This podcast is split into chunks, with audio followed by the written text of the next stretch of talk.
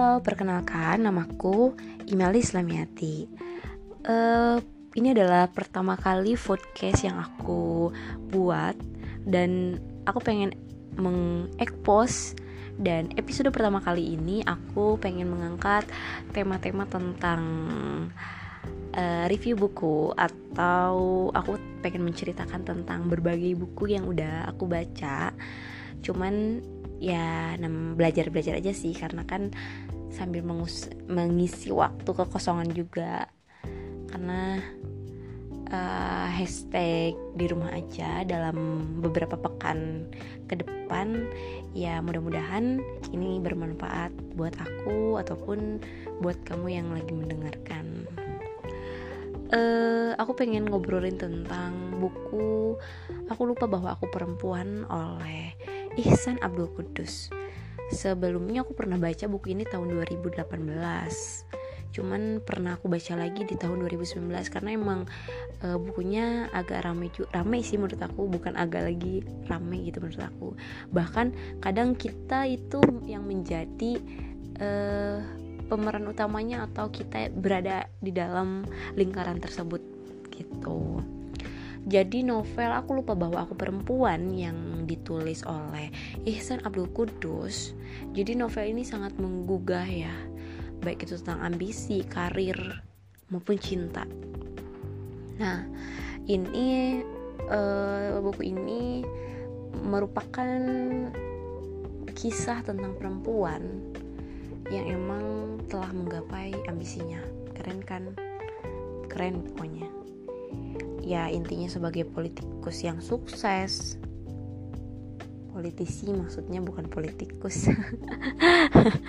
Politisi yang sukses terus kiprahnya di parlemen ataupun di berbagai organisasi pergerakan perempuan yang emang menempatkan dirinya dalam uh, lingkaran elit kekuasaan. Nah di dalam buku ini uh, apa ya dia itu mengupas pergulatan karir karir. Terus emang bahasanya juga sederhana sih sederhana dan emang menurutku ini mengesankan banget lah. Kemudian kesetaraan gender yang memang dirajut dalam kisah pertentangan batin seorang perempuan yang menjadikan novel ini sebagai contoh perjuangan perempuan melawan dominasi dengan menggunakan cara yang memang dominasi pula. Ya pokoknya nanti teman-teman kalau emang udah baca itu emang rame sih menurutku. Uh, terus ngobrolin tentang persoalan-persoalan yang memang dialami oleh seorang perempuan yang memang tapi di buku ini di novel ini akhirnya dia ini berujung pada penyesalan. Dan dan apa ya? Dan dia ini tidak ada upaya untuk keluar dari permasalahan itu. Dalam nah uh, mengisahkan tentang Suat yang dalam buku ini pemeran utama Suat ya. Wanita yang begitu ambisius mengejar puncak ketenarannya dengan mengorbankan dirinya sendiri jadi memang dari sejak kecil dia itu senang menjadi pusat perhatian gitu. Senang jika banyak orang yang terkagum dengan kemampuannya. Wajar lah dia memiliki wajah yang cantik juga kan dengan otak yang jenius kan. nah setiap hari dia tuh uh, menghabiskan hanya untuk meraih nilai tertinggi di sekolah. Jadi uh, belajar terus gitu kan emang giat dan rajin nah tapi dia sadar jika manusia itu emang perlu untuk bersosialisasi gitu. Dia dia tahu gitu. Dan akhirnya dia ini nggak mau dicap sebagai sebagai orang yang aneh-aneh gitu kan. Wanita jedius yang kuper. Jadi aja dia pun disibukkan dengan kegiatan yang bersosialisasi. Jadi dari kecilnya dia udah membuka seluas-luasnya jaringan pertemanan. Pertemanan tuh yang paling penting. Hampir semua murid tuh kenal sama dia gitu. Nah pada akhirnya uh, pada masa kuliahnya ada laki-laki yang memang masih saudaranya sih cuma saudara jauh. Akhirnya dia datang namanya Abdul Hamid. Suad itu berpikir mungkin adalah Hamid Abdul Hamid ini adalah cocok buatnya. Nah, akhirnya Abdul Hamid selalu nyambung jika memang lagi ngobrol sama Suad. Nah, eh, tidak lama akhirnya pernikahan pun berlangsung dengan begitu megah. Sebagian besar orang tamu undangannya itu dari Suad. Tapi pernikahan mereka ternyata tidak berlangsung lama ya. Cuman bertahan sampai tiga tahunan. Karena itu, Suat terlalu sibuk dengan dunianya, mengejar gelar dokter, terus meraih cita-cita sebagai pemimpin perempuan, dia aktif di segala kegiatan sosial ataupun politik, rajin ikut demo, mengeluarkan orasi yang emang sudah tersusun matang dalam otaknya gitu kan.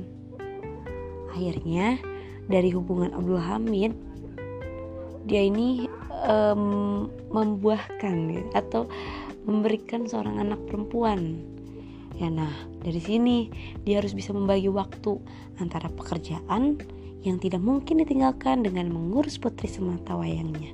Namanya Faijah.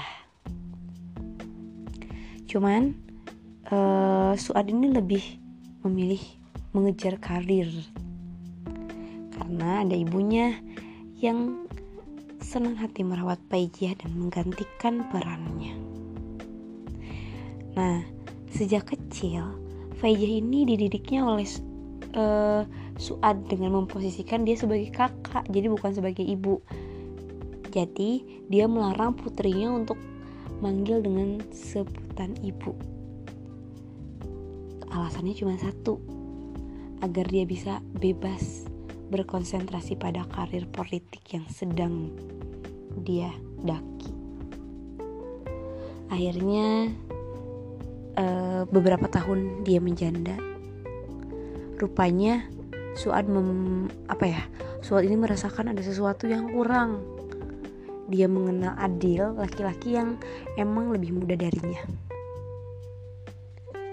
Tapi Adil tidak begitu menarik uh, tidak begitu tertarik dengan Suad nah Suad pun merasakan hal yang sama namun uh, adil sebagai pasangan hidupnya dan diterima.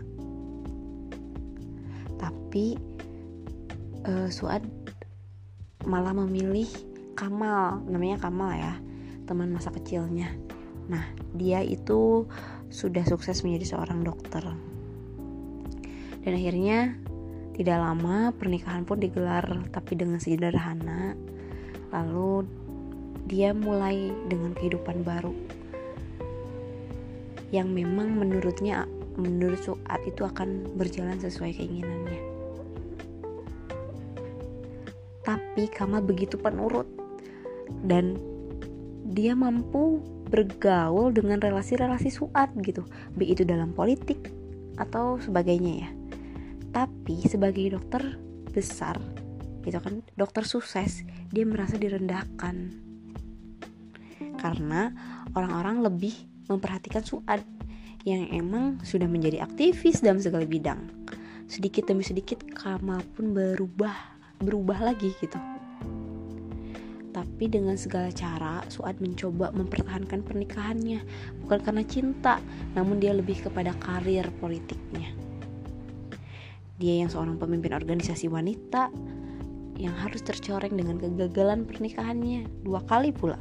Maka dari itu dia mempertahankan. Lalu apa yang terjadi kemudian gitu kan? Akhirnya Kamal tidak tunduk lagi. Dan pada uh, apa ya? Dan intinya pada semua keinginan Suad Kamal udah nggak mengikuti apa yang dia mau gitu pertama dia memang uh, Kamal itu awalnya memang sangat mengagumi sosok Suad dan memutuskan terus mengagumi mantan istrinya dari jauh. Masalah datang silih berganti. Kali ini dari Faizia. Putrinya yang menjalani cinta dengan lelaki yang tidak Suat kenal. Dia marah besar pada Abdul Hamid, uh, mantan suaminya, karena uh, Suad merasa Abdul Hamid dan istri barunya sudah membawa pengaruh buruk bagi Paijiah. Padahal dia sendiri pun tidak pernah meluangkan waktu bersama Paijiah gitu kan. Lalu apa yang terjadi kemudian? Akankah Suad menemukan pasangan hidup yang baru? Atau dia sanggup mengambil alih sebagai ibu untuk putri semata wayangnya atau dia tetap berfokus pada karirnya? Karena pada intinya sebagai seorang wanita dia juga butuh pendamping kan melupakan tanggung jawabnya sebagai seorang ibu dan melupakan jati dirinya yang hanya sebagai seorang perempuan gitu terus dalam cerita ini pun dan akhirnya uh, Suad ini tidak eh, terus sibuk dengan karir dan memang dia berusaha melupakan bahwa dia perempuan. Hmm, memang dalam hubungan kita harus menghargai kesibukan pasangan masing-masing ya nggak sih?